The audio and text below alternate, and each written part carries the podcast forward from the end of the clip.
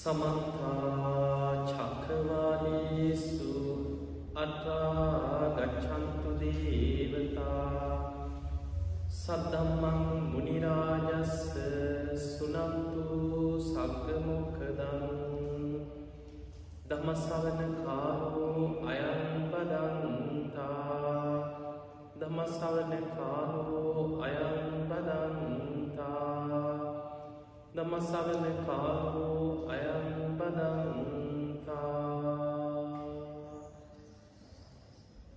නමුදස්ස භගවතු වරහතු සම්මා සම්බුද්ධස්ස නමුදස්ස භගවතු වරහතු සම්මා සම්බුද්ධස්ස නමුදස්ස භගවතු වරහතු සම්මා සම්බුද්ධස්ස සාංකය වාසනාවන්ත පිංහතුනි අද ඔබ හැම දෙනාම ඔස්ටේලියාවේ මේ ටස්මේනියා ප්‍රදේශය තුළ හෝබාත් නගරේ ඒ වගේ මේ ආසන්න ඇයට පලාත් තුළ ඉදන්න මේ ටස්මේනියාව ඉන්න බොහෝ පිරිසක් අද මේ ස්ථානයට එකතු වෙලා ඔබ කවුරු සූදානම් වෙන්න ඔබේ ජීවිතයට ඉතාම වැදගත් ධර්ම කාරණාටිකක් ශ්‍රවණය කර බණහන්නයි සූදානම් අපි කවුරුත් මුලින්ම අධිෂ්ඨානයක් ඇති කරගමු මේ උතුම් ධර්මශ්‍රවනය අපි හැම දෙනාටම නිවන් දොරටුවක් බවට පත්වේවා කියන අධිෂ්ඨානය. බණහනකොට කාරණා පහක් තියෙන්න ඕන මුලින්ම. ඔබ මගේ ධර්ම දේශනා අන්ත්‍රජාලය ඔස්සේ ගොඩාක් YouTube පේස්බුක් ගොඩාක් දේවල් අපි කරන බණ බොහෝ පිරිසක් ඒවා ප්‍රචාරය කරනවා. තිය නිසා ඒ ඔස්සෙ ඔබ ගොඩා බණහල ඇති. නිරන්තරයෙන් අපි ධර්ම දේශනා කරනකොට බුදුරජාණන් වහන්සේ අංගුත්තර නිකාය එක දේශනාවක ඒ දේශනාව නම සුස්සූ සති. බණ ආහන කෙනෙක් තුළේ ගැන ඔබ තුළ ඇති කරගන්න ඕන කාරණා පහක් පෙන්නලතිය. පළවෙනිම දේ තමයි අප්‍රමාණ ආසාාවෙන් බණහන්නට. ඒ ආසාාව නිසාන මේ ආවෙන. ඇත ඉදං හරි කොහෙ ඉදං හරි ඇවිල්ල එකතු වෙලා සාමීන් වහන්සේ නමක් වඩම්මලා මේ ධර්මී ශ්‍රවලය කරන්න මේ සූදානන් වනේ බණහන්න තියෙන ආසාාව නිසා. පළවෙනිම දේ තමයි බණඇසීනේ ආසාාව. දෙවනි කාරණී සෝතන් බෝධහති. හොඳට කන් යොමු කරගෙන හොඳ අවධානයෙන් බන්නන්න. එනිසා තමයි බාහිර දේවල් එකන අපේ හිත දුවන වෙන වෙන දේවල් අපි බණහන වෙලාවට ඉවත් කරන්න. දුරකථනයක් වෙන්න පුළුවන්. බණක් අහන සෝදානන් වෙන වෙලාවට බණහන්න කලින්ම එක්ක කෝන් එක සයිලන් කර පැත්තකින් තියලා හිත හදාගන්න බණහන වෙලාවේ බාහිර දේකට හිතයන්න දෙන්නේ. සෝතන් ඕදහති හොඳට කන් යොමු කරගෙන පැයක්ද පැය භාගයක්ද ඒ දේශනාව පුරාම හිත පිහිටවාගෙන බණහන්න දක්ෂවේ. තැන් කරුණු දෙකයි. තුන්ගනි කාරණය තමයි අධිෂ්ඨානය. එක ඉරදි පාදයක් චිත්ත ඉරදි පාදය කිය. මං කොහොම හරි මේ ධර්මය තේරුම් ගන්න. මං කොහොම හරි මේ ධර්මය අවබෝධ කරගන්න. මගේ ජීවිතයට මං කොහොම හරි මේ ධර්මය ගලප ගන්න. එවැනි අධිෂ්ඨානයක් අපිට තියෙනවා. සමහර දේවල් දැන් ඔබේ ජීවිතේ ඔබ යම්මට්ටමකට ඔබේ ජීවිතය ඉලක්ක ජයගත්ත කෙනෙක් වෙන්න පුළුවන්. ඔබට සිහිනයක් තියෙන් ඇති මං හොඳට ඉගෙන ගන්න. ඉගෙනගෙන විදේශ රටකට යන. එක ඕස්ටේනියා වගේ රටකට යන. එහෙ ගිහිල තම උසස් අධ්‍යාපනය කරන. විදේශ රටක කෝමහරි පියාර එකක් හදාගෙන හරි පදිංචි වෙන්න ක්‍රමයක් හදාගන්න. ඒ ඉලක්කවලින් බොහෝ ප්‍රමාණයක් ජීවිතේ සාර්ථක කරගෙන ඇත. එතකොට අපි යම් ඉලක්කයක් තියාගත්තට පස්සේ ඒ ඉලක්කෙ තුළ අපි කැප වෙන මහන්සි වෙන වීරිය වඩන ඉලක්කවලට යන්න. බුදුරජාණන් වහන්සේ අපිට පෙන්නවා ධර්මාවබෝධයක් ඒ වගේ ජීවිත ඉලක්කයක් කරගන්න.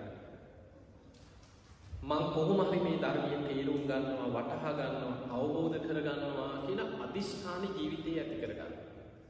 ඒක බණහන වෙලාවටත් අවශ්‍යයි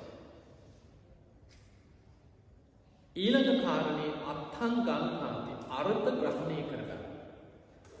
දැන් අපි ගමු මේ බණ මේ දේශනාව මුල ඉඳන් අගටම මතක තියාගන්න බෑ. එහෙම පුළුවන් මේ ශාසනයේටම ඉඳලා තියෙන ආනන්ද හාමුදුරුවෝ විතරයි. බුදුරජාණන් වහන්සේ යම් දේශනාවක් කරාද පළවෙනි වචනේ ඉඳන් ඒ දේශනාවේ අන්තිම වචනේ දක්වාම මතකයි. අසූ හාරදහසක ධර්මස්කන්තයම මතකී පිහිටිය. ධර්ම බහන්ඩාගාමික අපිට එහෙමනෑ. හැබැයි අපි බණක් ඇහුවට පස්සේ අපිට දේශනාව මතක නැතත් සාරාන්සයක් තියෙන් ඕනේ. අඩුම ගාන මොකක්ද අද දේශනාවෙන් කියවෙච්ච වැදගත් වැදගත් කරුණු ටික හරි මතක තියාගන්න දක්ෂ වෙන්න. අත්හන් ගන්නාදී අරුද්ධ ග්‍රහණය කරගන්න. ඊළඟට බුදුරජාණන් වහන්සේ ආයමත් පෙන්නනවා අනත්තන් රිංච බාහිර දේවල් සියල්ල හිතෙන් අයින් කරන්න කිය. එනිසා බණහනකොට බාධාවෙන බාහිර දේවල් හිතෙන් බැහැර කරන්න. ඔන්න ඔය කාරණා පහ ඔබේ ජීවිතය තුළ පිහිටවාගන්න ඔබ දක්ෂ කෙනෙක් බවට පත්වේ. තින් එහෙම නම් ඔබ හැම දෙනාටම මේ ධර්ම දේශනාව ධර්මශ්‍රවනයේ ධර්මාවබෝධය පිණිස නිවන්දුරටුවක් බවට පත්වේවා කියලා යළි ආශීර්වාද කර. දැන් දැම්මං ඔබේ ප්‍රශ්නයක් අහනවා.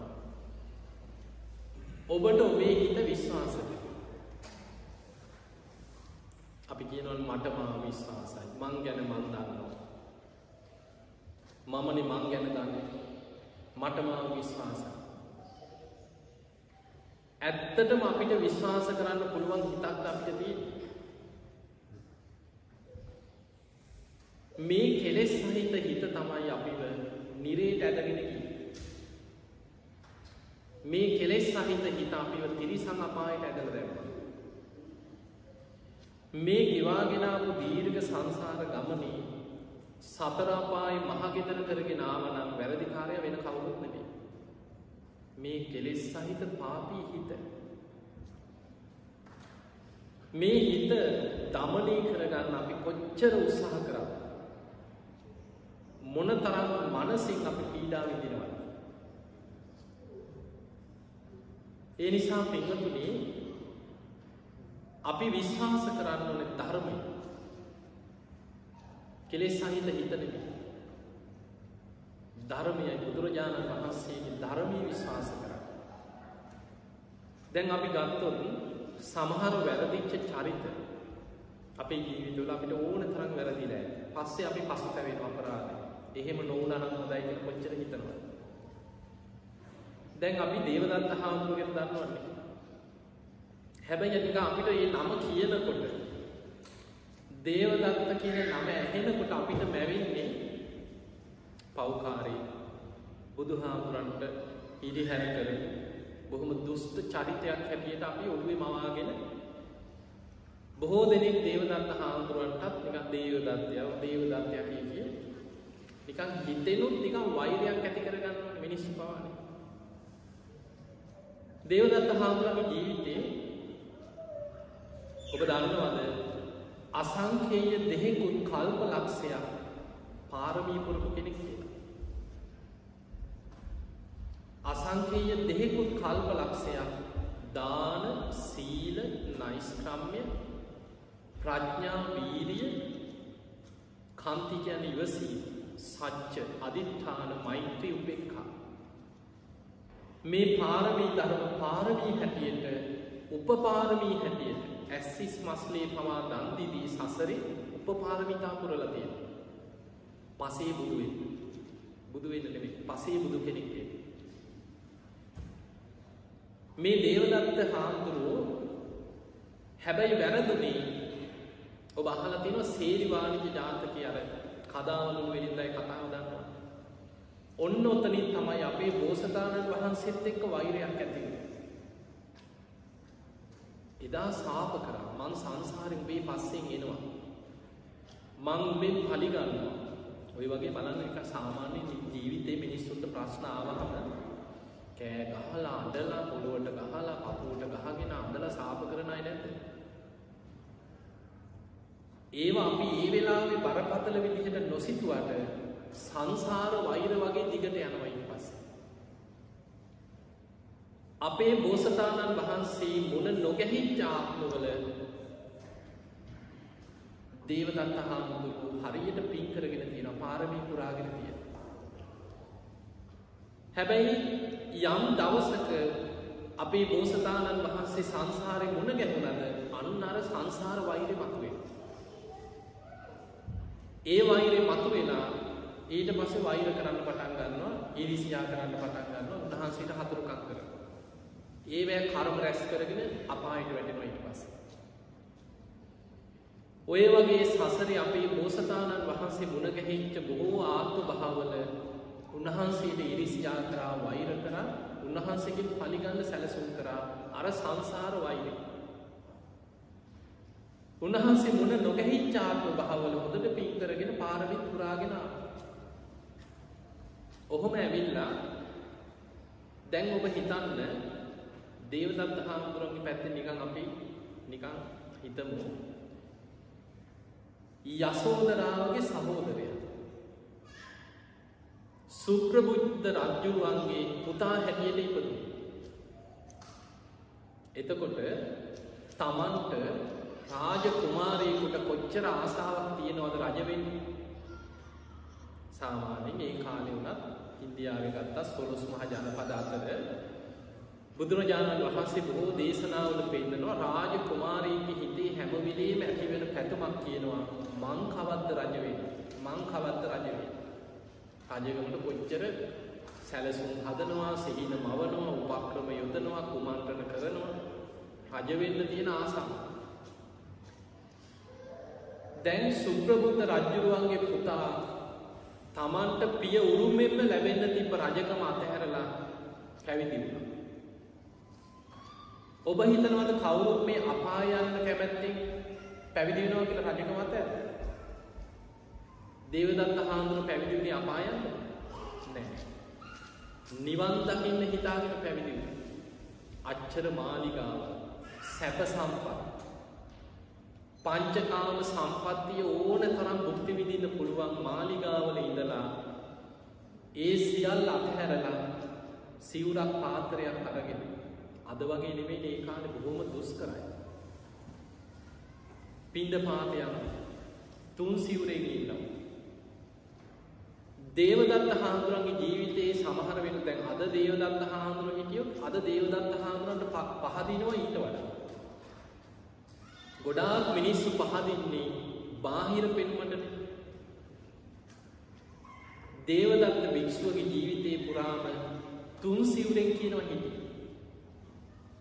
පාන්සකූල සිවුරු විතරයි පෙරේ.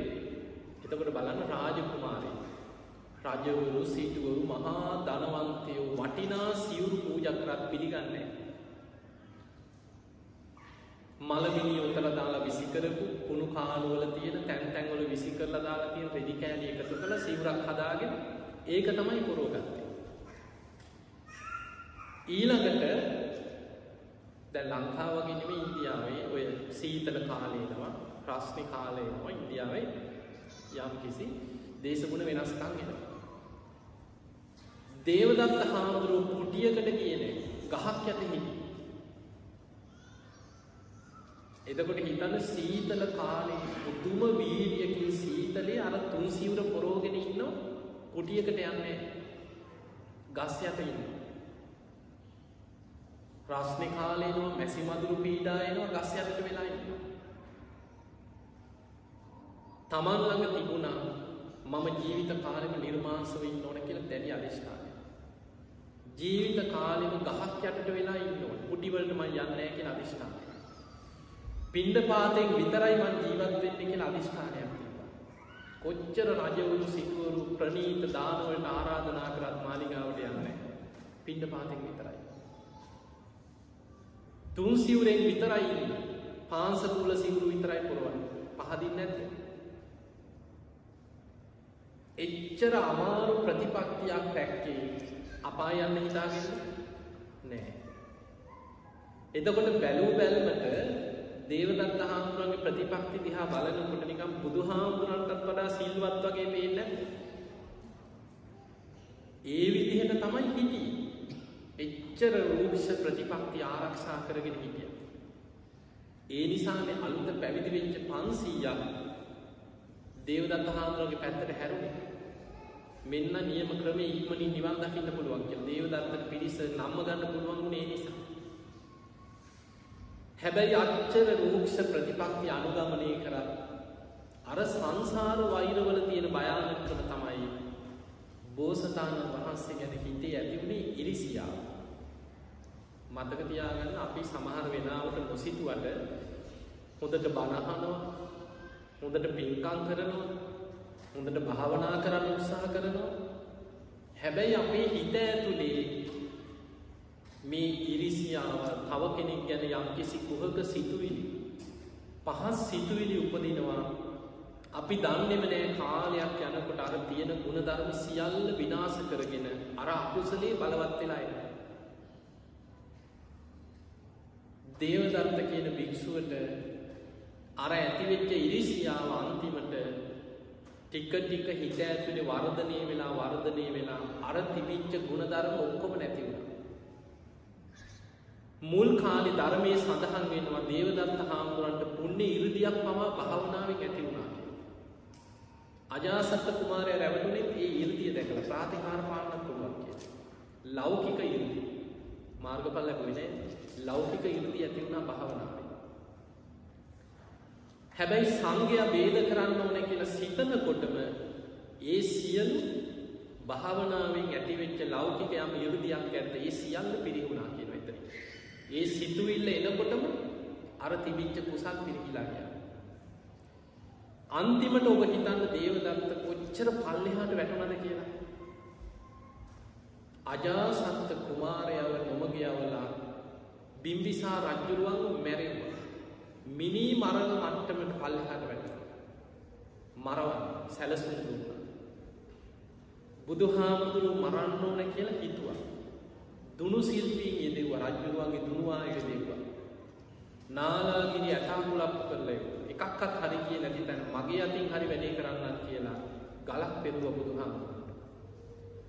අච්චර ගුණධර්ම රැකගෙන හිටපු කෙනා අර ඉරිසියාව නැමති අකුසලේ හිත ඇතුළේ වැඩිලා වෛරයක් ද්වේශයක් බලවත් වෙලා කුසලුත් පිරිහිලා අච්චර පල්ලෙහාට වැටුනේ නැද්ද? අන්තිමට ආනන්තරී අකුසල් දෙකක් කරගත්තා. සංඝ වේදයයි බුදු කෙනෙක්ගේ ලේසෙලවි. දැන් මෙච්චර පල්ලෙහාට වැටිලා මේ තරම් අකුසල් කරගත්තත් මතක තියාගන්න සංසාරේ කරපු පින් නැති වෙනවා. ඒවා යටපත් වෙලා තියෙනවා. පාරමී පුරුදු කෙනෙක් දේවදත්ත හාමුදුරන්ට අන්තිමට දැන් ගොඩාක් අයට ජීවිතේ වැරදිලා එක්කො ලෙඩ වෙලා එක තැන් වුණාට පස්සේ ඔන්න මොලේ පෑදෙනවා සමහරව. ලොකු විපතක් වෙලා අසරණ වෙනකොට සමහරුගේ මොලේ පෑවෙනවා. සමහරු තනි වුණාට පස්සේ කාත් කවුරුත් නැතුව තනි වෙනකොට ඔන්න නුවණ පෑවෙනවා. අයියෝ මට මෙහෙම වුණේ මගේ වැරදි නිසාමයි කියන අය නැද්ද? ඉන්නවා. ඊළඟට මරණ මංචකේ. මරණාසන්න වෙනකොට ඔන්න කරපු අකුසල් හිතට ගලාගෙන එනකොට ඔන්න සමහරුන්ට චිත්‍රපටි පේනවා වගේ අර ඔක්කොම මතක් වෙනවා. දේවදත්ත හාමුදුරන්ගේ අන්තිම කාලේ හරි පව් කියලා හිතනවා ඒ සමහර දේශනාවල තියෙනවා කියවනවා. දේවදත්ත හාමුදුරන්ට අන්තිමට ලෙඩ වෙලා එක තැන් වුණාට පස්සේ බුදුරජාණන් වහන්සේට කරපු වැරදි ඒ කරපු නොපනත්කන් හිතට කලාගෙන එනකොට අනේ මට වැරදුනා අනේ මට වැරදුනා කියලා පසු තැවෙන පටන් ගත්තා.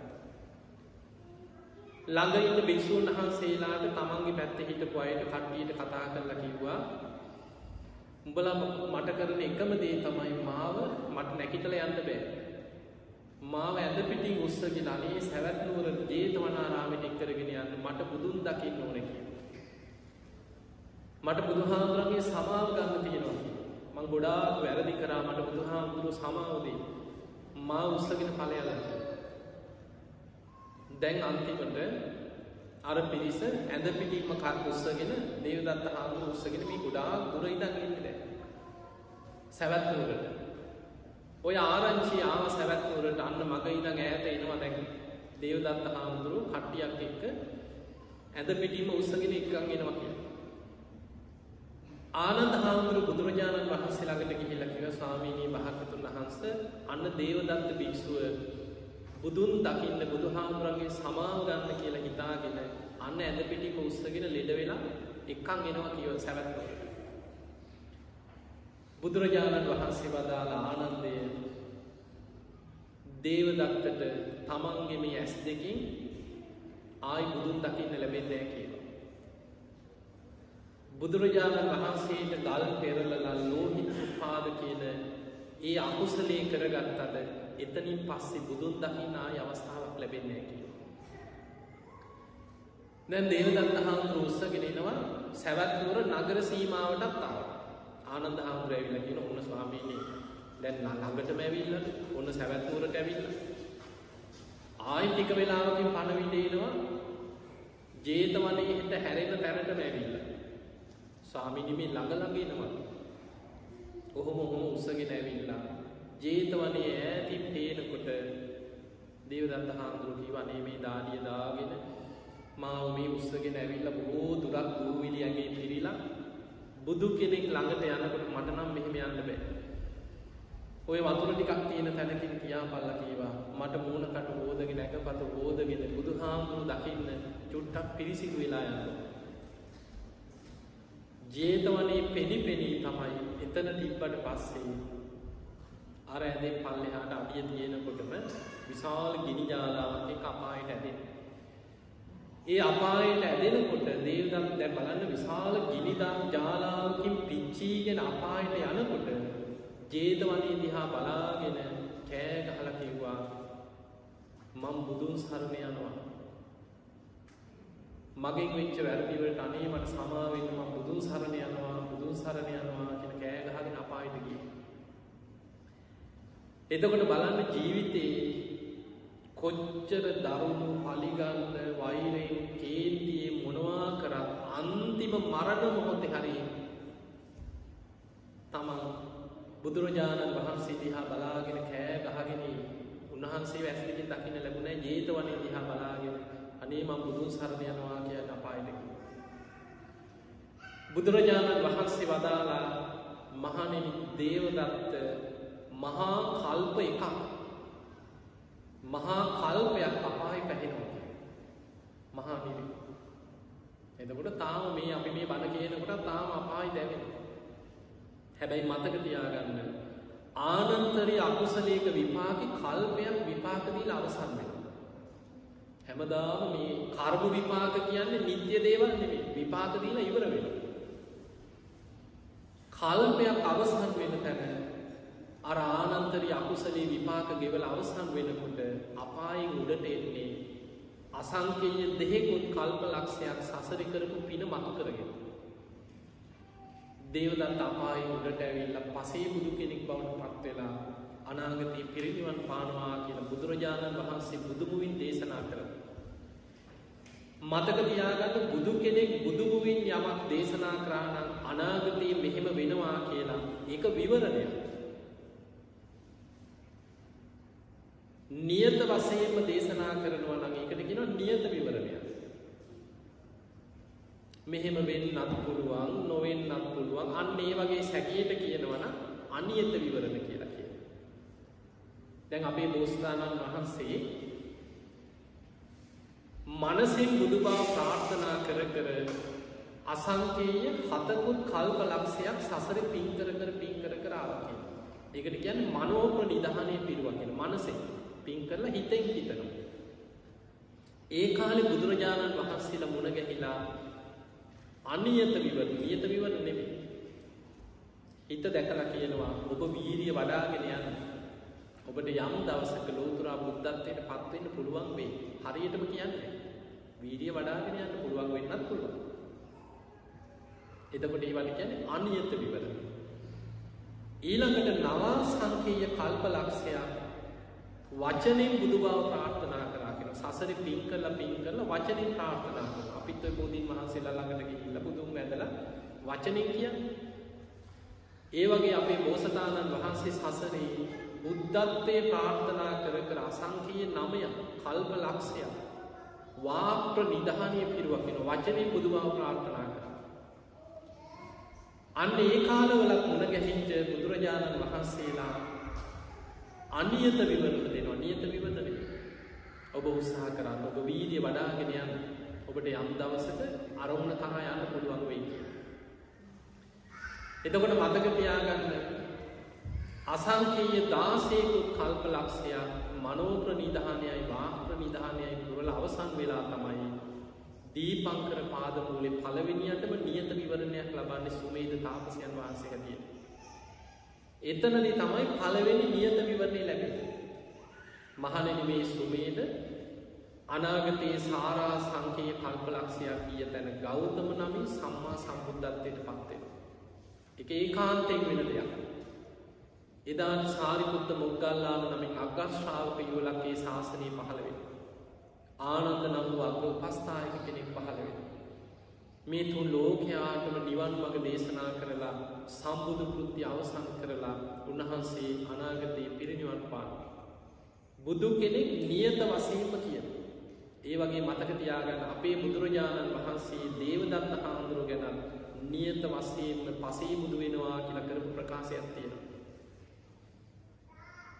දැන් හිතන්න මේ සසරි පින්කරගෙන පාරමී පුරාගෙන එනකොට ඉරිසියාව නිසා වෛරය නිසා සංසාර වෛරයක් නිසා දේවදත්ත හාමුදුරට වැරදු. හැබැයි දැන් අපාය වැටිලා ඒක විදවනවා ගෙවනු.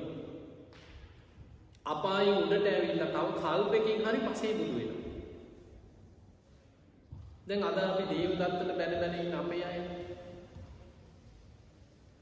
නික අපි ගැන නිකන් සාමාන්‍ය නියෝප හිතන්න තව කල්ප කීයක් කොහේ කොහේ කැරකි කැරකි අයි.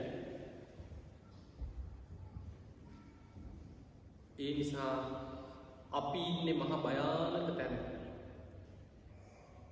තාම අපිට අපිට අපිට යම් පෙර පිනක් තියෙන නිසානේ මේ බුද්ධ ශාසනය මුණ ගැහුණ තමයි. මනුස්ස ජීවිතේ ලැබුණ බණහන්න ලැබුණ මේ ලෝකයේ අනිත් මිනිස්සුත් එක්ක ගත්තාම අපි මහා පින්වන්ත පිරිසක්. හැබැයි මතක තියාගන්න සෝතාපන්න ඵලයටවත් පත්වෙන කල් ඔබ ඉන්නේ අනාරක්ෂිත තැනක. සක්විති රජ වුණා මේ ලෝකෙම පහළ පාලනය කරන දෙතිස් මහා පුරුෂ ලක්ෂණ ඇති සක්විති රජෙක් වුණා. මරණින් මත්තේ දිවිය ලෝක යනවා.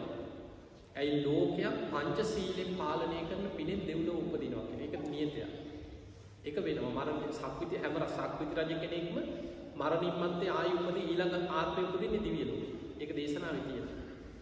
හැබැයි දිව්‍ය ලෝකේ බොහෝ කාලයක් ඉන්නකොට අර කරපු පින ගෙවිලා ගෙවිලා අවසන් වෙනවා. සක්විති රජ කාලේ කරපු පින්කම් පින් ගෙවිලා අවසන් වෙනවා. දිව්‍ය ලෝකේ පින ගෙවලා අවසන් වෙනකොට සෝවාන් වෙලාවක් නැත්නම් දෙව්ලුවින් චුත වෙලා ඊට පස්සේ නිරේ වැටෙන්න පුළුවන්. එතකොට සක්විති රජ නෙමෙයි නිරිසතා. දිව්‍ය ලෝකෙන් චුත වෙලා තිරිසන් ලෝකෙට වැටෙනවා. එතකොට තිරිසන. පෙරේත ලෝකෙට වැටෙන්න පුළුවන්. එතකොට පෙරේත. ඒ නිසා දෙතිස් මහා පුරුෂ ලක්ෂණ ඇති සක්විති රජෙක් වෙලා ඉපදුනත් ධර්මය අවබෝධ කරලා නැත්නම් ආයි වැටෙන්නේ සංසාරේ තමයි. එනිසා පිංහතුනි අපි මේ මොනවා කරන්න අපි ලෝකෙ කොහේ හිටිය ඔස්ටේලියාවනේ ලෝකෙ මොන කෙලවරේ කොහේ ජීවත් වනත් අපිට ලොකු අනතුරක් තියෙනවා.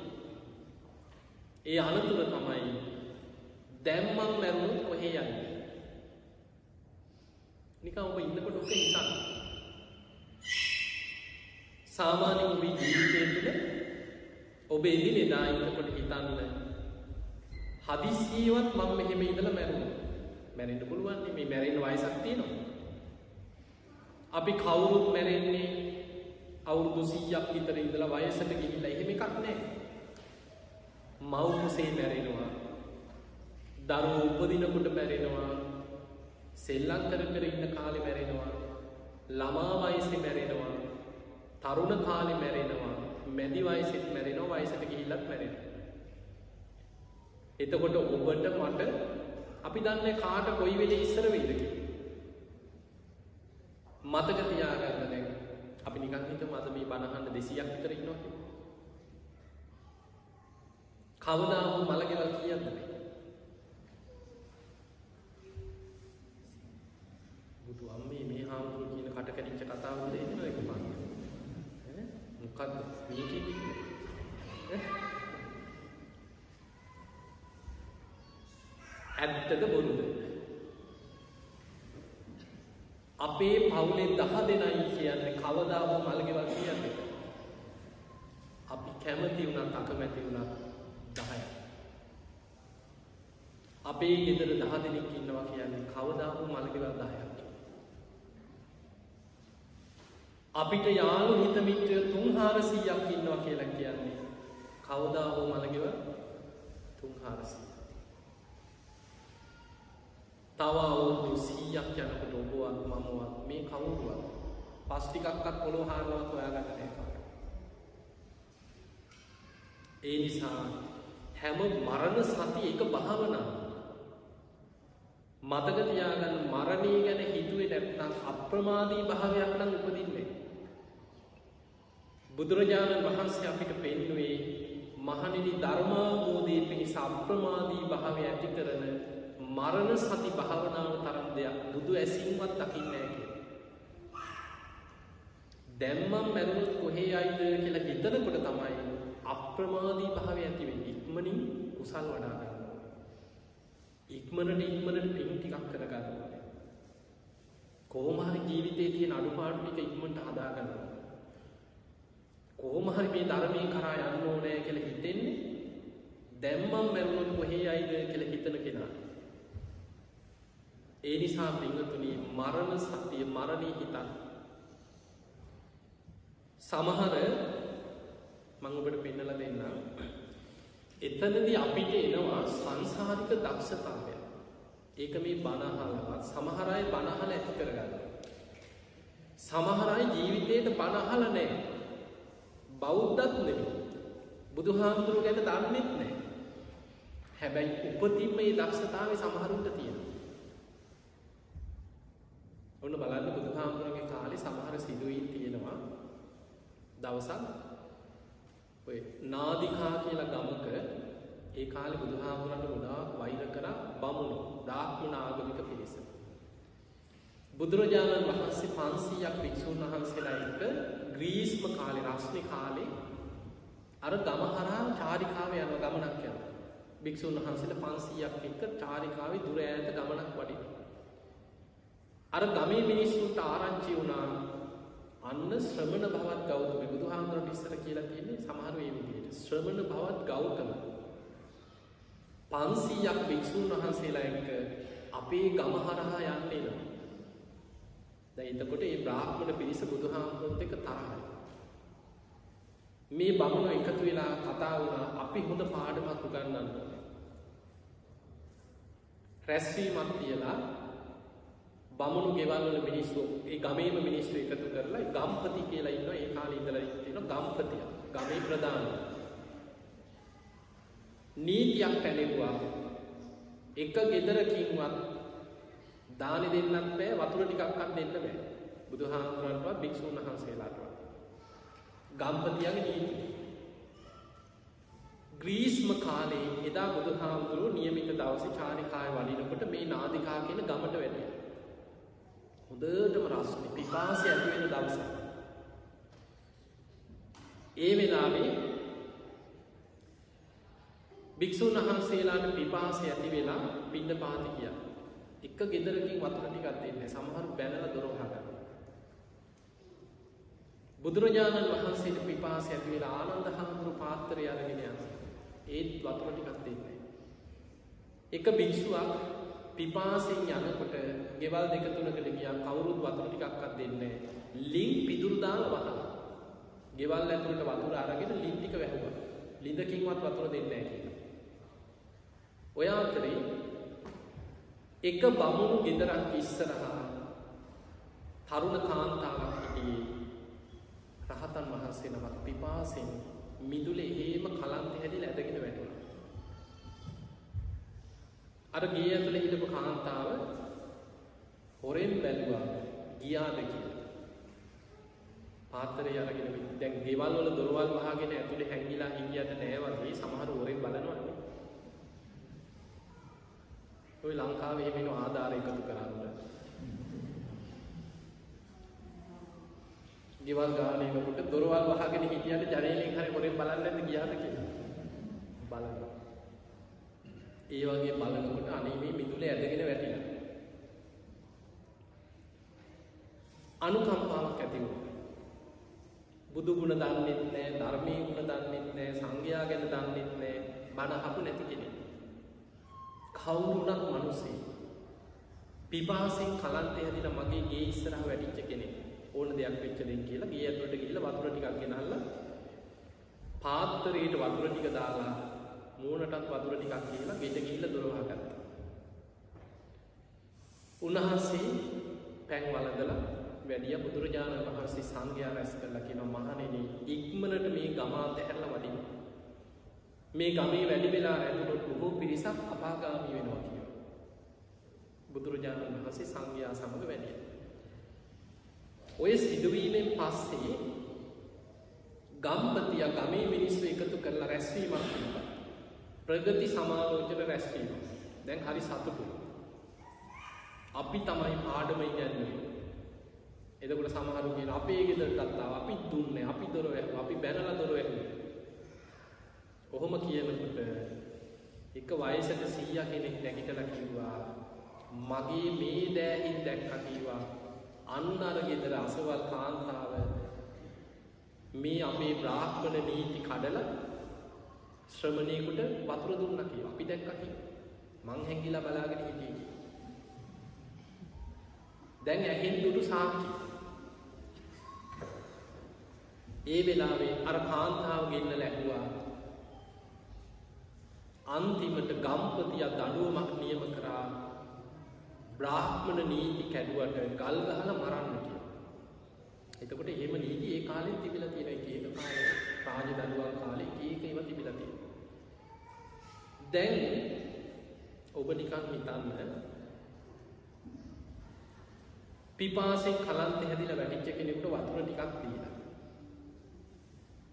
උදව්වක් කරන්න ගිහිල්ලා දැන් අන්තිමට මොකද්ද මේ වුනේ?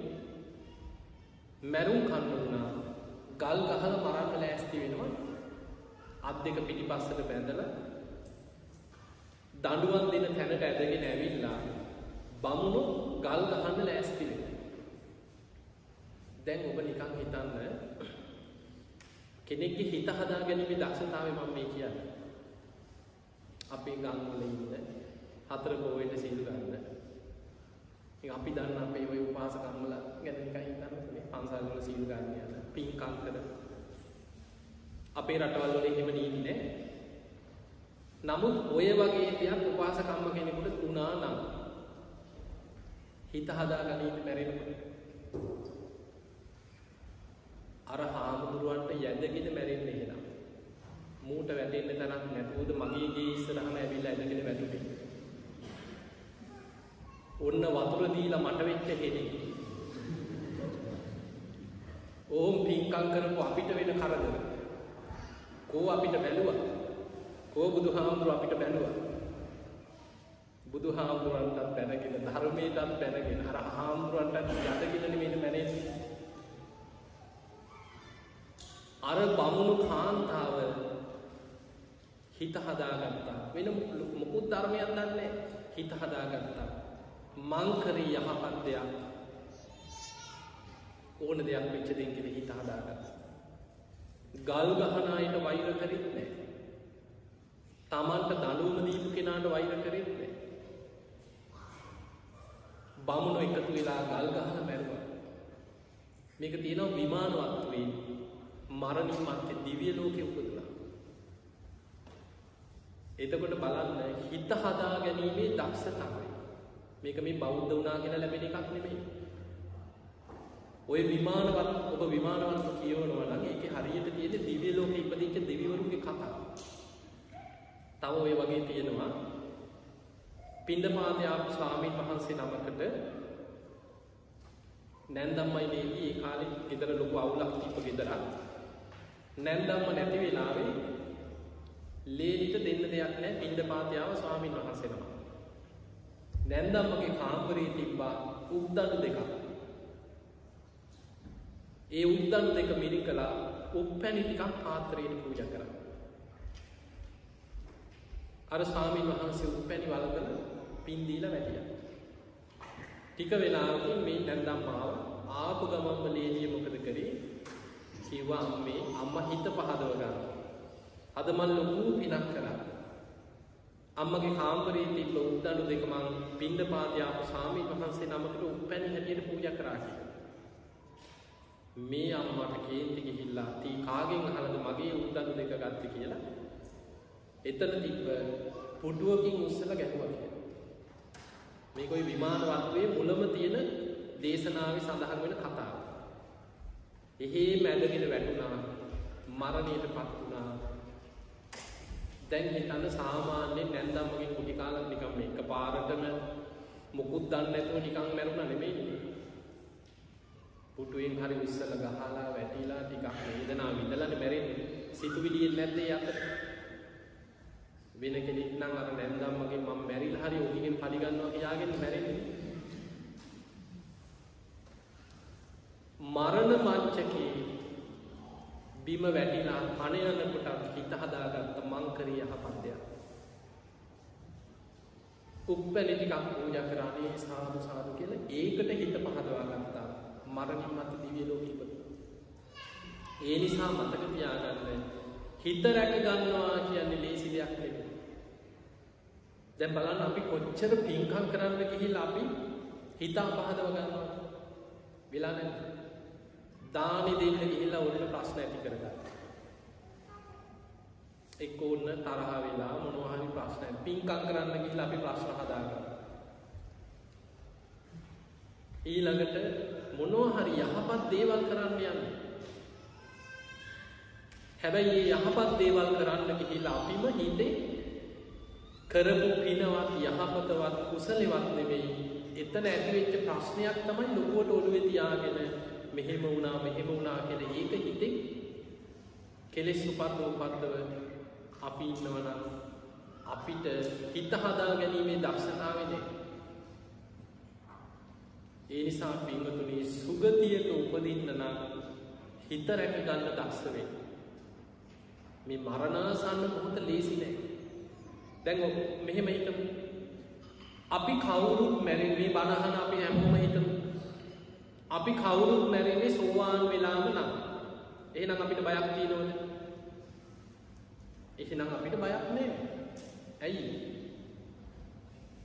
බුදුරජාණන් වහන්සේ දේශනා කරනවා සෝවාන් වෙච්ච කෙනා සතර අපායේ සදහටම මිදිච්ච කෙනෙක්. සෝවාන් වෙච්ච කෙනා ඒකාන්තයේ සුගතිය උපදිනවා. ආත්ම හතක් ඇතුළත නිවන් දකින්න. එයා ආර්ය මාර්ගයට බැසගත්ත කෙනෙක්. හැබැයි අපි මැරෙන්නේ ධර්මාවබෝධයක් නොලබා අන්දබාල පුතර්ජන මානසිකත්වයක් එක්ක ධර්මාවබෝධයක් නැතුව නම් අන්න අපිට අනතුර තියෙනවා. දැන් මම ඔබට නිකන් අවස්ථා ටිකක් කියාගෙන යන්නම්. ඔබම මට කියන්න ධර්මයේ හිත පිහිටව ගන්න ලේසි දමාරුද කියලා. දැන් මෙතන බණහන අය අතර නොයෙක් අය ඔබේ ජීවිතයේ ඔබ ඇස් දෙකට මිනිස්සු මැරෙනවා දැකලා තියෙනවද? දැන් මේ දොස්තරලා ඉන්නවා. මිසිලා ඇති. ඉස්පිරිතාලවල වැඩ කරන අය ඇති. ජීවිතේ අපිට ඕන තරම් අත්දැකීම් ඇතිනේ.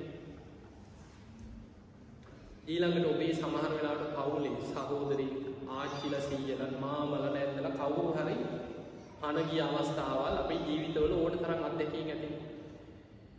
ඔබ දැකල තිනවද කවුරුහරි මන යනකොට අහෝ සැපක් කනේ බුදුම සනීපයක් මං යනවා කියලා. එහෙම බොහෝම සතුටෙන් හිනාවීගෙන පුදුම සතුටෙන්ද මැරෙන්නේ. නිකං ඔබ හිතන්න කොච්චර බණහලා ධර්මී දැනගෙන පින්කං කරලා මොන ධර්මී ඉගෙනගෙන තිබුණ නික මිනිස්සු මැරෙන හැටි. ඇක්සිඩන්් වෙලා මිනිස්සු මැරෙනවද නැ හැපිලා මිනිස්සු මැරෙන සමාට පාරෙන් යනකට වාහනවලින් හප්පගෙන යන ඉස්සරයින් ඇල්ලා හපන්න පුළ පිපසෙන් හපන්න පාර බයින්න ගීල මිනිස්සු හැප්පේ වාහන වාහන හැප්පිලා මිනිස්සු මැරෙන සමහරු හැප්පිලා ලේදාගෙන අතපය කැඩිලා ඉස්පිරිතාලට ගෙනියනකට පණය ඔබ හිතන්න එවැනි වෙලාක ඇක්සිඩන්ට් එකක් වෙච්ච වෙලාට සමහර වෙලාවට තුවාල ලේදාගෙන ඉස්පිරිතාලට ගෙනහිල්ල වෛද්‍යවරු වට කරගෙන එක් ඔපරේෂන් කරනවා ඒ බටදානවා මෙහි පපෝ තලනවා. ඔය වගේ වෙලාවක ධර්මය හිත පිහිටව ගන්නවා ගැන ලේසි දමාන්ද කියලා හිතම් නිකං හිතන්න. ලේසි. අමාරු කොච්චර ධර්මය දැනගෙන හිටියත් අමාරු ඊළඟට අපිට නිකං හිතුමනේ අපිට නම් එසේ නොවේවා කියලා ගුටි කාලා බැරෙන්න බැයි වෙන්න පුළුවන් අහක යන අනුන්ගේ ප්‍රශ්නවලට පැටලා ගුටි කාල මැරෙනවා මිනිස්සු.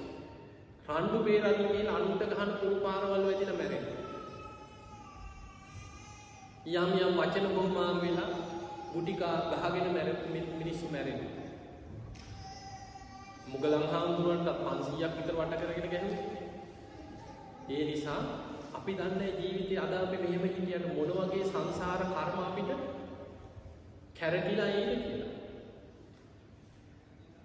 වට කරගෙන පොළුවලින් ආයුධවලින් ගහනකොට ගුටි කාල මැරෙනකොට ධර්මය සිහි කරන්න ලේසි දමාන්න අවංකව හිත කතා කරන්න ලේසි දමාන්න අමාරු ඊළඟට මිනිස්සු මැරෙනවා ගින්නෙ පිච්චිලා මැරෙන ඇගිල්ලක් හරි පිච්චිලා තියෙනවා කවදාද ඇගිල්ලක් හරි පිච්චුනා නම් වේදනාව දන්නවනේ මුළු ඇඟම ගිනි ගන්නකොට ධර්මය සිහි කරනවා කියන්නේ ලේසි අමාරුද? ගිනි තියාගත්ත මිනිහත් කෑ ගහ දුවනවනේ. මැරෙන්න කියලා ගිනි තියාගත්ත මිනිස්සු කෑ ගහ දුවනවා. ලේසි නෑ. ওই මිනිස්සු මැරෙන ක්‍රම මම මේ කියාගෙන යනවා. ඊළඟට සර්පෙක් දෂ්ට නිකන් සර්පයක් දෂ්ට කරනකොටම එක පාට මන යනවා. දත වදිනකොටම නිකන් පටස් ගාලා මන යනවා. නෑ. අර විස ශරීරගත වෙලා ඇදුම් දීලා වේදනාව විඳලානේ මිනිස්සු මැරෙන්නේ. මරණය ගැන හැම වෙලාවෙම හිතන්න ඒක වේදනාව දුක තැති ගන්න වෙලාව එවැනි වෙලාවක ධර්මය සිහි කරනවා කියන්නේ ලේසි දෙයක් නෙවෙයි. අපි නිකන් හිතමු ඉස්පිරිතාලෙක. ඔබට හිතෙන්න පුළුවන් ඔය කිසි කරදරයක් නෑ අනේ ඉස්පිරිතාලෙක. නිදහසේ හොඳ ඇඳක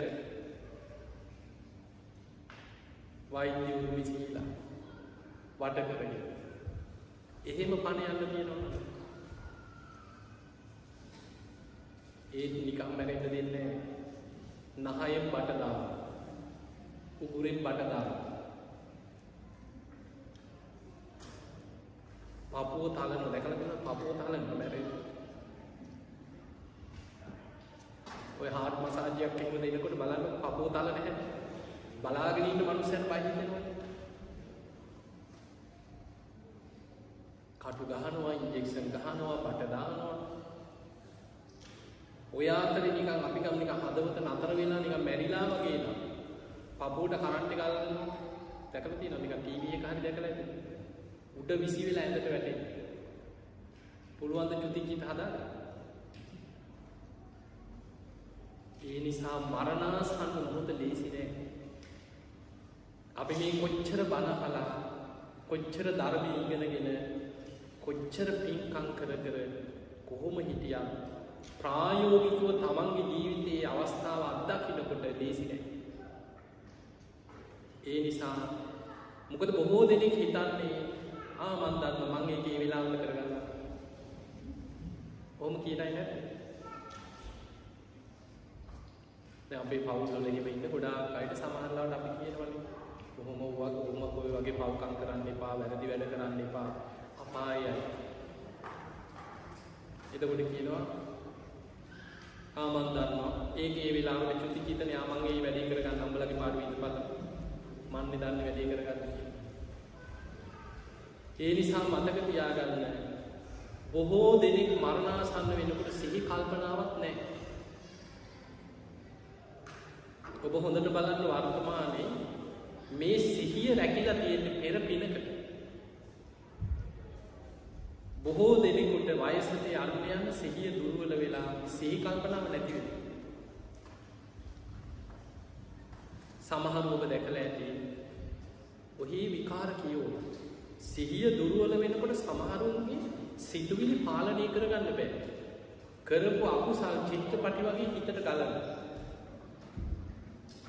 සමහරු දොඩවන්න කියවන්න ගන්න මම මේ වගේ පව්කක් කරා මම මේ වගේ වැරදි වැඩ කරා මම මේ වගේ අකුසල් කරා එතකොට අපි කොච්චර කිව්වත් ඕවා හිතන්න එපා ඕවා හිතෙන් අමතක කරන්න බුදුගුණ හිතන්න කරපු පිනක් හිතන්න. ඒවා කොච්චර කිව්වත් එයාගේ මනසට ගලාගෙන ඉන්නේ අකුසලෙමයි. ඇයි යාගේ සිහිය දුර්වල වෙලා මනස පිරිහිලා? ඒ නිසා පින්වතුනි මරණාසන්න මොහොත කියන්නේ ඔබ මම අපි කවුරු? නත්ති ජාත සමරණ ඉපදුනානන් නොමැර හිට පුළුවන් ක්‍රමයක් නෑ. ඒ කාන්තෙන් කවද කොතන කොයි මොහොතේ අපි කාටත් මොන්න විදිහට හන් ජීවිතය මූුණ දෙන්න සිද්ධ වෙන අවස්ථාව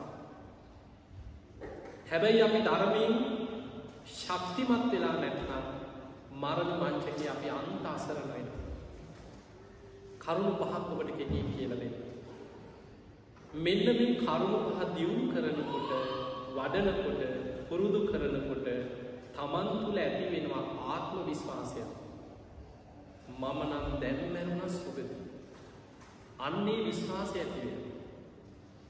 මේක තියෙන්නේ සංයුත්ත නිකාය මහානාම කියල සූත්‍රයට බුදුහාමුදුර පෙන්න. මහානාම කියන් බුදුහාමුදුරන්ගේ ඥාතින් සාක්‍ය කුමාරය ගිහි ජීවිතය ගත කරගෙන අමුදරුව හදාගෙන වෙළදාම කරගෙන ව්‍යාපාර කරගෙන හිටපු මනුස්සේ. දවසක් බුදුරජාණන් වහන්සේ ළඟට ඇවිල්ල මේ මහානාම කියන සාමීනී භාග ඒ කාලේ තමන් අඳුන්නල දෙනොම කියන සාමීනී භාග්‍යතුන් වහන්ස මම කාමභෝගී ගිහිය මට අමුදරුව ඉන්නවා. මම රන්රිදී මුතුමැනි පරිහරණය කර මම කසී සලු කොරෝන ගැන තමන් නික බෝම පොහොසතෙක් කියලා කියනවා. මං මෙහෙම කෙනෙ මංගේ ජීවිතයක් අතගත කෙනෙ ව්‍යාපාර කරනු මට සල්ලි තියෙනවා. මං මේ වගේ රාම්ප්‍රී හත්තරන්ත්‍රීදී මුතු මැනික් මට තියෙනවා. මං මෙහෙම සල්ලිකාරේ මං මෙහෙම කෙනෙ හැබැයි ශාමීනී මට ලොකු බයක් තියෙන ඒ තමයි කොයි වෙලේක හෝ මං මරණයට පත් වෙලා අපායි වැඩේ කියලා මට බයක් උපදී හදිසියවත් අනතුරකින් විපතකින් මං මැරෙන වෙලාවක අකුසලයක් බලවත් වෙලා තිරිසං අපායක ප්‍රේතලෝකෙක උපදීගෙන මට නිතර බයක් ඇතිවෙන. ඒ නිසා ස්වාමීනී භාග්‍යතුන් වහන්ස කවද කොතන කොයි මොහොති මැරුණා. සුගතියක උපදන්න මා විසින් බලවත් කරගත යුතු කරුණු මොනවද කියලා මේක තියෙන සංයුත්තනිකාය මහානාම සූත්‍රය. එතකොට මේ මහානාම සාක්‍ය කුමාරය බුදුහාමුරගෙන් අහන්නේ කවද කොත්තන කොයි මොහොතේ මොන විදිහට මැරුණ. සුගතියක යන්නනම් නිතර මම පුරුදු කරලා බලවත් කරගන්න ඕන මොන වගේ ගුණ දන්න. දැම්මි ගැන සුවාන් විච්ච කෙනෙක් ගැන සුවානු නන කොම සුගති එතනින් මෙහා සෝවාන් කලේ මෙහා ඉන්න කෙනෙ ජීවිතය අපිට එන අනතුරු අපි දන්නේ කවද කොතන කොයි මොහොතේ මොන විදියට මැරෙන්නේ. එවැනි මොහොතක අර අපාය පැත්තට ඇදෙන ජීවිතයේ යම් කිසි රැකවරණය ආරක්ෂාව අඩු අඩ්ඩුම ගානේ සුගතිගාමීව හරි බේරෙන්න පුළුවන් ක්‍රමයක් හදාගන්නේ කොහොමද කියලා බුදුරජාණන් වහන්සේ කරුණු පහක් පෙන්වන්නේ. මහා නාම ඔබ නිතර බුදුගුණ හිතනවා. නිතර ධර්මයේ ගුණ හිතන සඟගුණ හිතන කෙනෙක් නම් ඔබ තුළ තියෙනවා සද්ධාව. මතක තියාගන්න බෞද්ධයෙකුට තෙරුවන් සරණ ගිය කෙනෙකුට මරණාසන්න මොහොතේ මතුවෙන අකුසල් යටපත් කරන්න තියෙන බලවත්ම කුසලයේ තමයි සද්ධාව. බුදුරජාණන් වහන්සේ බුදුමුවින්ම දේශනා කරනවා මයි සද්ධහා මත්තක් සද්ධහා මාත්‍රයක් ප්‍රේම මත්තම් ප්‍රේම මාත්‍රයක් බුදුහාමුදුරු ගැන හිතේ බලවත් වුණොත් සබ්බේතයේ සංග පරාය ඒ සියලු දෙනා සුගතියුපදී එක දේශනාව සඳහන් වෙනවා මරණ මංචකයේ බුදුගුණ සිහි කරද්දී කරපු දහසක් අකුසල් යටපත්වෙනවා කියලා එතන. ඒ නිසා ලොකූ දෙයක් නැති වුණා සමහර වෙලා ඔබේ ආච්චි සීයා නෑදෑ ඥාති ලොකු දහම් දැනුමක් නැති කෙනෙක් කියලා හිතන්න. ලෙඩ වෙලා එක තැන් වෙලා අන්තිමයි වගේ තේරෙනවා නම් අපිට කරන්න තියෙන කල්්‍යයාන මිත්‍රයෙක් හැටියට පිහිට වෙන්න තියෙන ක්‍රමේ තමයි අඩුම ගාන බුදුගුණ ටික හරි කණට කරලා කියන්න. සද්ධාවක හිත පිහිටවන්න.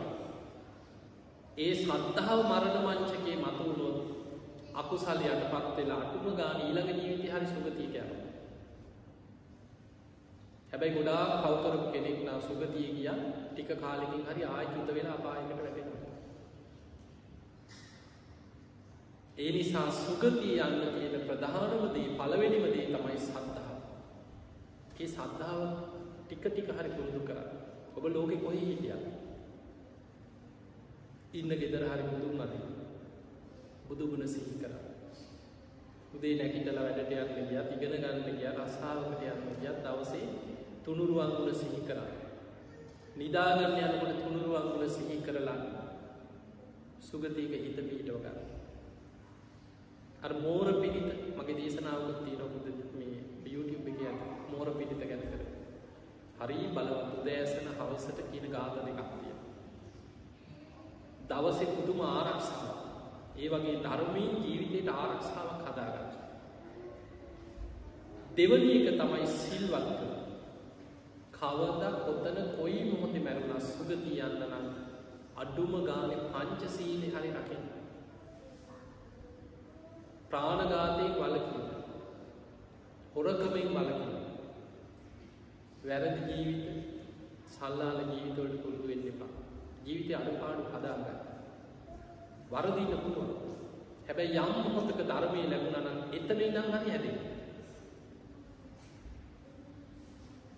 බොරුවෙන් කේලමින් ජීවත් වෙන්න එපා.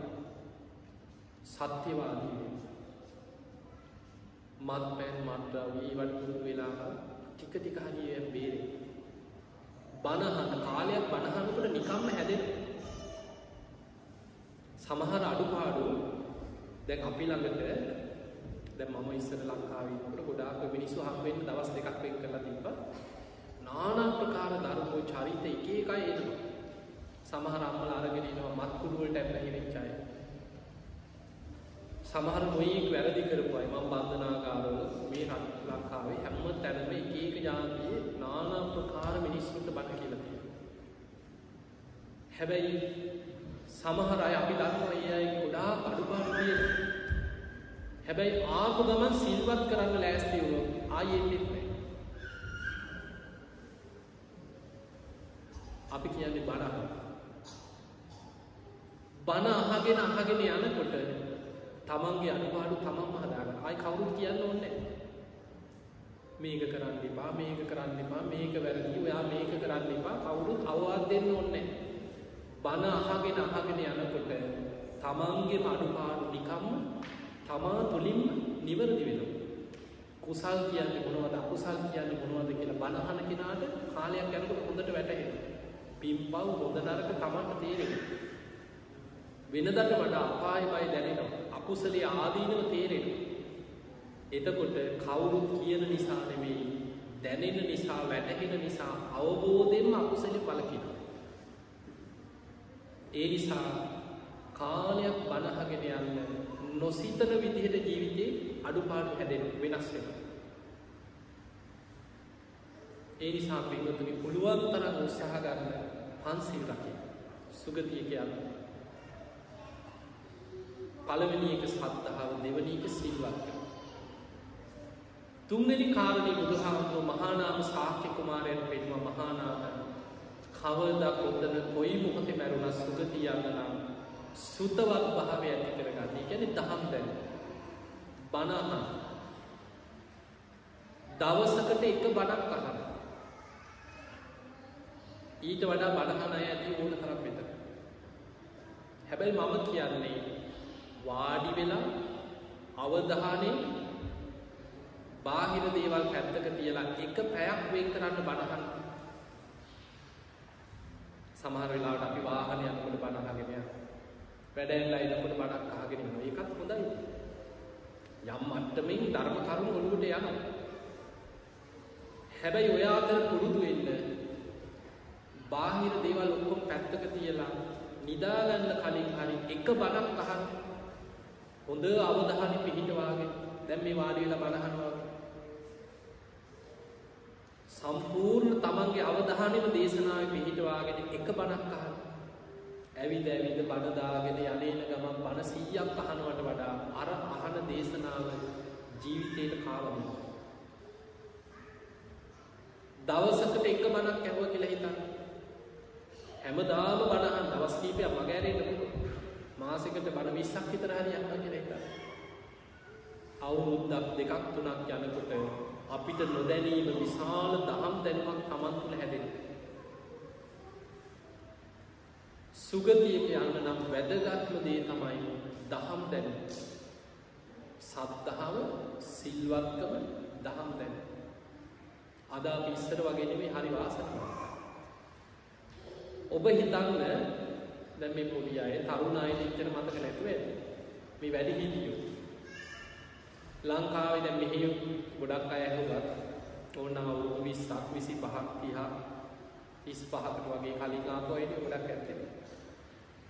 ඔබ ලංකාවේ ඉන්නකොට ඔබට මතක තියෙනවා නම් මීට අවුරුදු 30 40කට එහා ඔබේ ආච්චිලා සීයලට අම්මලා තාත්තලාට මෙහෙම බනහන්න තිබ්බද ඉස්සර? ඉස්සර ලංකාවේ අපිත් පුංචි කාලේ පෝය දවසකට විතර යන්තන් ගුවන් විදිලියක බණක් ඇත පෑ පෝයට බණයක් ඒවත් ඇහෙන්නේ හරි ඔය රජයේ ගුවන් විදිලිය පෝය දවස කොච්චර FM channel තිබ්බේ නැහැ ඉස්සර. බණ යන නාලිකා.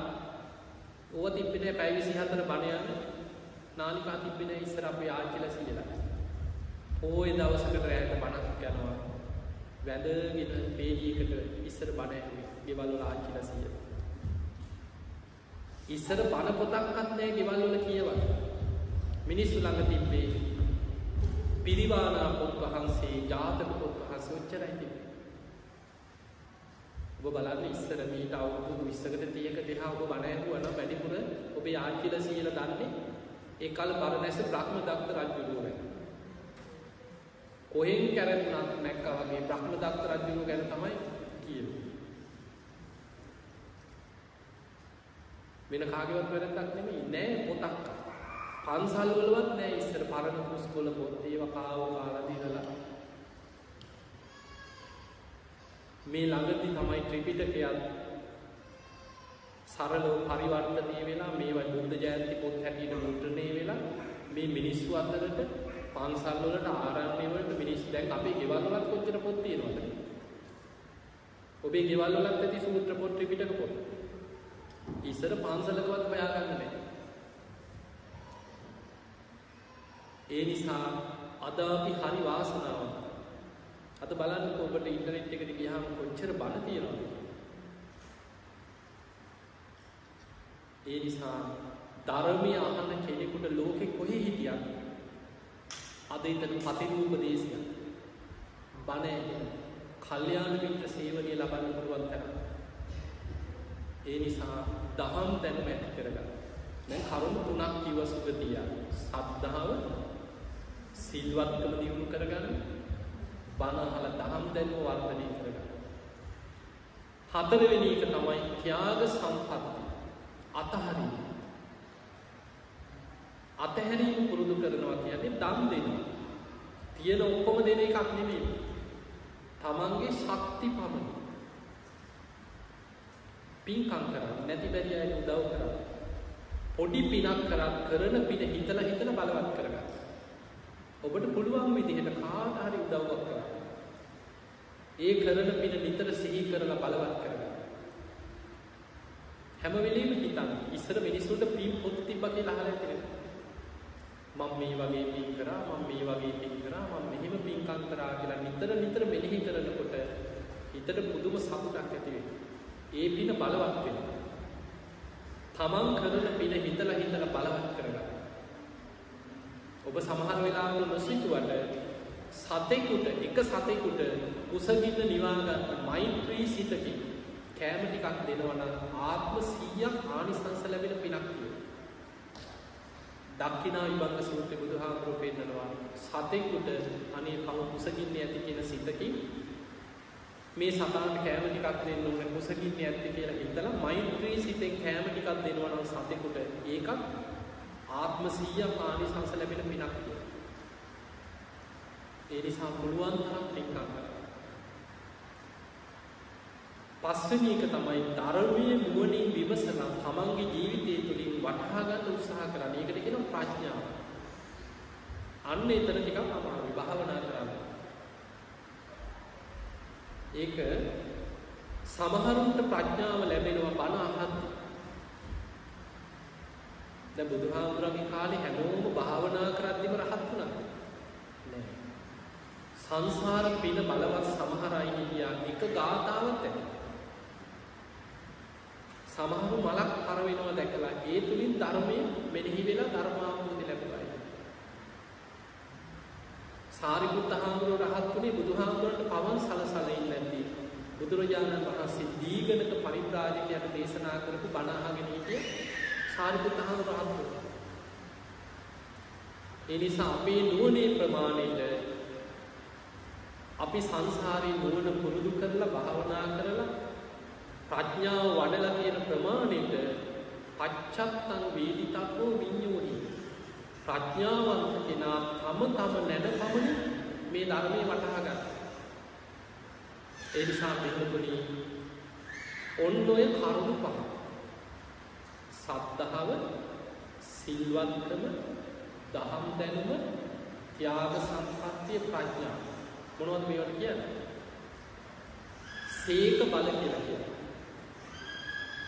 සේක කියන්නේ ධර්ම මාර්ගේ ගමන් කරන කෙනාට කියනවා සේක මේ ධර්ම මාර්ගේ යන ශ්‍රාවකයන්ට කියනවා සේක. ඒ කෙනා තුළ තියෙන බල ධර්ම වලට කියනවා සේක බල. ධර්ම මාර්ගේ ගමන් කරලා අවසන් වෙච්ච අයට කියනවා අසේක. රහතන් වහන්සේලාට කියන අසේක. ඒ නිසා පින්වතුනි මේ ලැබිච්ච මනුස්ස ජීවිතය තුළ ඔන්න ඔය කියන ගුණධර්ම පහ වඩා ගන්න. ඔබ වාසනාවන්තයි මනුස්ස ජීවිතයක් ලැබෙනවා. දැන් අද ලෝකෙ කෝටි කීයක් විතර ඉන්නවද? කෝටි 750ක් 700කට එක අපිට 800ක් වගේ කියලා ඉන්නවා. ඔය අතරේ බණ පදයක් අහන්නේ කීයේ කී දෙනාද? පිනක් කරගන්න ඕනේ අඩුම ගානේ සුගතියකවත් යන්න යමක් කරගන්න ඕනේ කියලා හිතන්නේ කීයේ කී දෙනාද? ඒ නිසා මේ ලෝකේ කෝටි ගාණක් මිනිස්සු අතරේ අපි බොහොම වාසනාවන්තයි. අපිට බුද්ධ ශාසනය මුණ ගැහුණා, මනුස්ස ජීවිතයක් ලැබුණා, ෂණ සම්පත්තියක් ලැබුණා. ෂණ සම්පත්තිය කියන්නේ ධර්මය අහලා අනේ මට මේ ධර්මය අවබෝධ කරගන්න ඕනේ කියන හැඟීම ඇති වෙනවා. ඒ තුල යම් උත්සාහයක් ගන්නවා අපි ධර්මය අවබෝධ කරගන්න. ඒ නිසා වුණ ওই කාරණා ටික මතක තියාගන්න. මේ ලැබිච්ච මනුස්ස ජීවිතය අවසන් වෙන්න පෙර සද්ධා, සීල, සුත, ත්‍යාග, ප්‍රඥා කියන කරුණු පහ දිනු කරගන්න දක්ෂ වෙන්න. ඊළඟට මතක තියාගන්න හිත රැක ගන්නවා කියන්නේ ලේසි දෙයක් නෙවෙයි. දැන් බලන්න සමහර අය ඉන්න කුංචි දෙයක් හිතේ තියාගෙන වෛර කර කර වෛර කර කර වෛර කර කර ඒක බුදුහාමුදුරුවෝ පෙන්වන්නේ ගලේ කෙටු ඉර වගේ සමහර අය ඉන්නවා කවුරු මොනවා කිව්වත් අනේ යා කරගත්ත දේ යාගෙනියයි කියලා හිතෙන් අතහරින. දී ඇන්ද ඉරක් වගේ කියනවා. බුදුරජාණන් ඒක ඉතින් එක එක්කෙනාගේ දක්ෂතාව. බුදුහාමුදුරුවෝ පෙන්නනවා අන්න එවැනි අය මෛත්‍රිය සසරි පුරුදු කරගත්තා. දැන් බලන්න බුද්ධ ශාසනය තුල පැවි බුදුහාමුදුරුවන්ගේ කාලේ පැවිදි වෙලා අපායේ ගියයි නේද? බුදු කෙනෙක් ඉන්න කාලේ පැවිදි වුණා කියලා අඩු ගානේ හැමෝටම සුගතියකවත් යන්න ලැබුණා. කී දෙනෙක් අපායේ වැටුණාද? බුදුහාමුදුරුවෝ ඇස් දෙකෙන් දැකලා අපායේ වැටිච්ච අය නේද? කොච්චර හිටියද? ඒ නිසා ඇස් දෙකෙන් බුදුන් දකින්න ලැබුණා කියලා එතනින්ම සුගතිය යන්න හම්බෙන්නේ නැහැ. බුදුහාමුදුරුවන්ගේ නෑයෝ අතර කී දෙනෙක් අපායේ ගියා? මේ සසර ගමනේ භයානකම හිතන්න. දැන් ඔබ යසෝදරාවගේ පැත්තෙන් හිතන්න. සුප්‍රබුද්ධ රජුරෝ කියන්නේ තමන්ගේ තාත්තා පොළොව පලාගෙන අපාය. දේවදත්ත කියන්නේ සහෝදරය පොළොව පලාගෙන අපාය. තමන්ගේ ස්වාමියා වෙච්ච කෙනා ගිහි ජීවිතය අතහැරලා ගිහිල්ලා ලෞතර බුදු කෙනෙක් බවට පත් වෙනවා. තමන්ගේ කුසින් බිහි කරපු දරුවා ශික්ෂාකාමී භික්ෂුන් වහන්සේලා අතර අග්‍රස්ථානෙ ලැබුවා.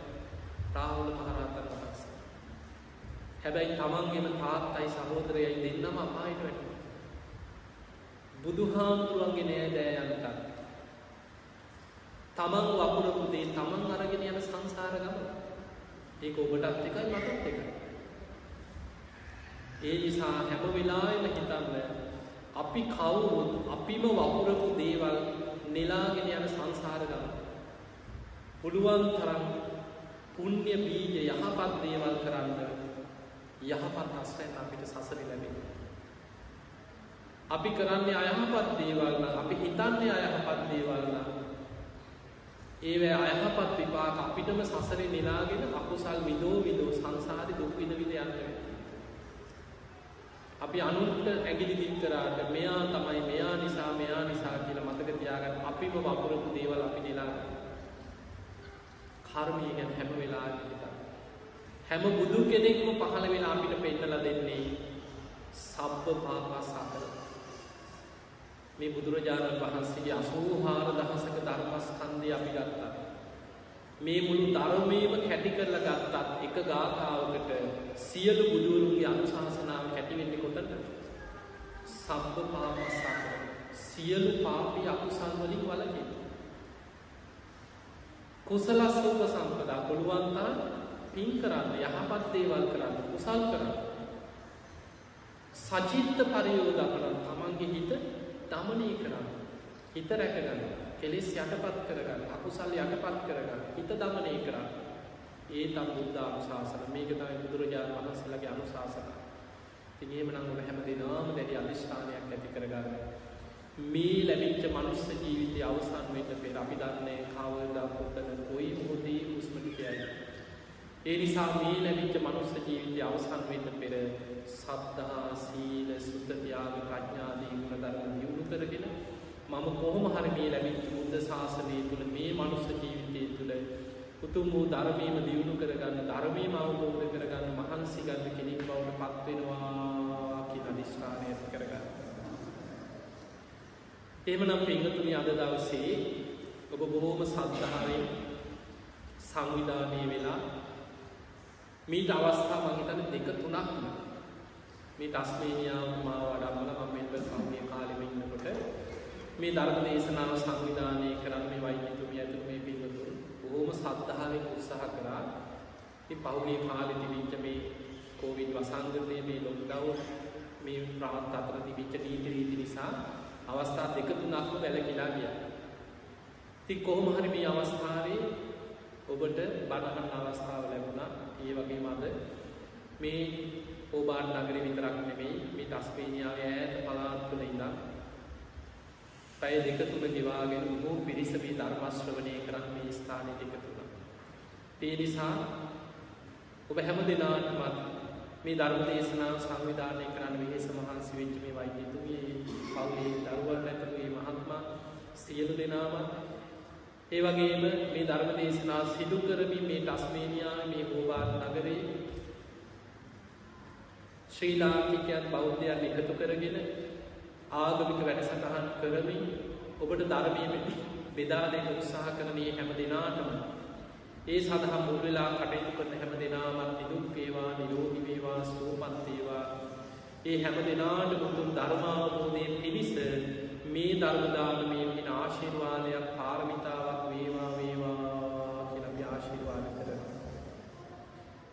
සියලු දෙවියෝ සාධකාර විදීමේ පින් අනුමෝදන් වෙත්වා ඒ දෙවියන්ගේ පිහිට රැකවරණ ආශිර්වාදය ඔබ හැම දෙනාටම ලැබේවා ලැබේවා කියලා අපි ආශිර්වාද කරනවා. ඒ වගේම ඔබ හැම දෙනා නමින් මිය පරලෝකයේ සියලු ඥාතීන් තම තම සිහිපත් කරගන්න. ඔබේ මිය පරලෝකීය පින් අපේක්ෂාවෙන් ඉන්න සියලු ඥාතීන් සාදුකාර දිදීමේ පින් අනුමෝදන් වෙත්වා. ඒ අයගේ පරලොව ජීවිත සැපවත් වේවා සුවපත් වේවා සංසාර දුකින් අත මිදේවා කියලා සාදු කියලා පින් දෙන්න. ඒ වගේම ඔබ හැම දෙනාටමත් ඔබේ පවුල්වල දරුවන් ඥාතීන් අද මේ ධර්මශ්‍රවණයෙන් එකතු වෙච්ච හැම දෙනාමත් මේ පුංචි දරුවන් කෑකෝ ගහයි කියන පොඩි දරුවෝ නොදන්න දරුවෝ ඉතින් හැම දෙනාමත් ඔබේ පවුල්වල දරුවෝ මේ බණහන් එකතු වෙච්ච හැම දෙනාමත් මේ ප්‍රදේශයේ ඉන්න මේ ටස්මේනියාවේ වාසය කරන ශ්‍රී ලාංකිකයන් හෝබාට් නගරේ විතරක් නෙමෙයි අනිත් නගරවලින් හැම දෙනාමත් නිදුක් වේවා නිරෝගී වේවා සුවපත් වේවා. සියලු දෙවියන්ගේ පිහිට රැකවන ඔබ හැම දෙනාටමත් මේ පුංචි දරුවන් සියලු දෙනාටම සැලසේවා. ගන්න ඉගෙන හුස්ම රැල්ලක් පාසා තබන තබන පියවරක් පාසා තුනුරුවන්ගේ අනන්ත ආශිර්වාද රැකවන ඔබ හැම දෙනාටම සැලසේවා. සද්ධාදී ගුණ ධර්ම දියුණු කරගෙන ඔබ හැම දෙනාටම උතුම් වූ ධර්මයම අවබෝධ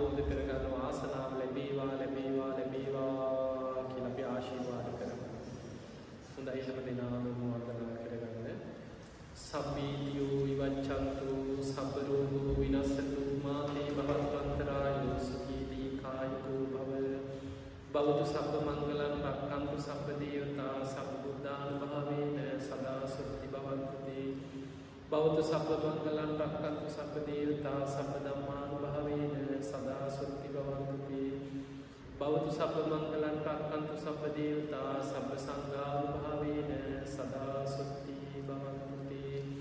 අභිවාදන සීලිස්ස නිච්ඡං වද්ධා පචායිනෝ චත්තාරෝ ධම්මා වඩ්ඩන්ති ආයුවන්නෝ සුඛං බලං ආයුරාරෝග්‍ය සම්පatti සංඝ සම්පatti මේවච අතෝ නිබ්බාන සම්පත්ති විනාතේ සමිච්චතු හැම දිනාම නිදුක් වේවා නිරෝගී වේවා සුවපත් වේවා සුවපත් වේවා සුවපත් වේවා හැම දිනාටම සම්මා සම්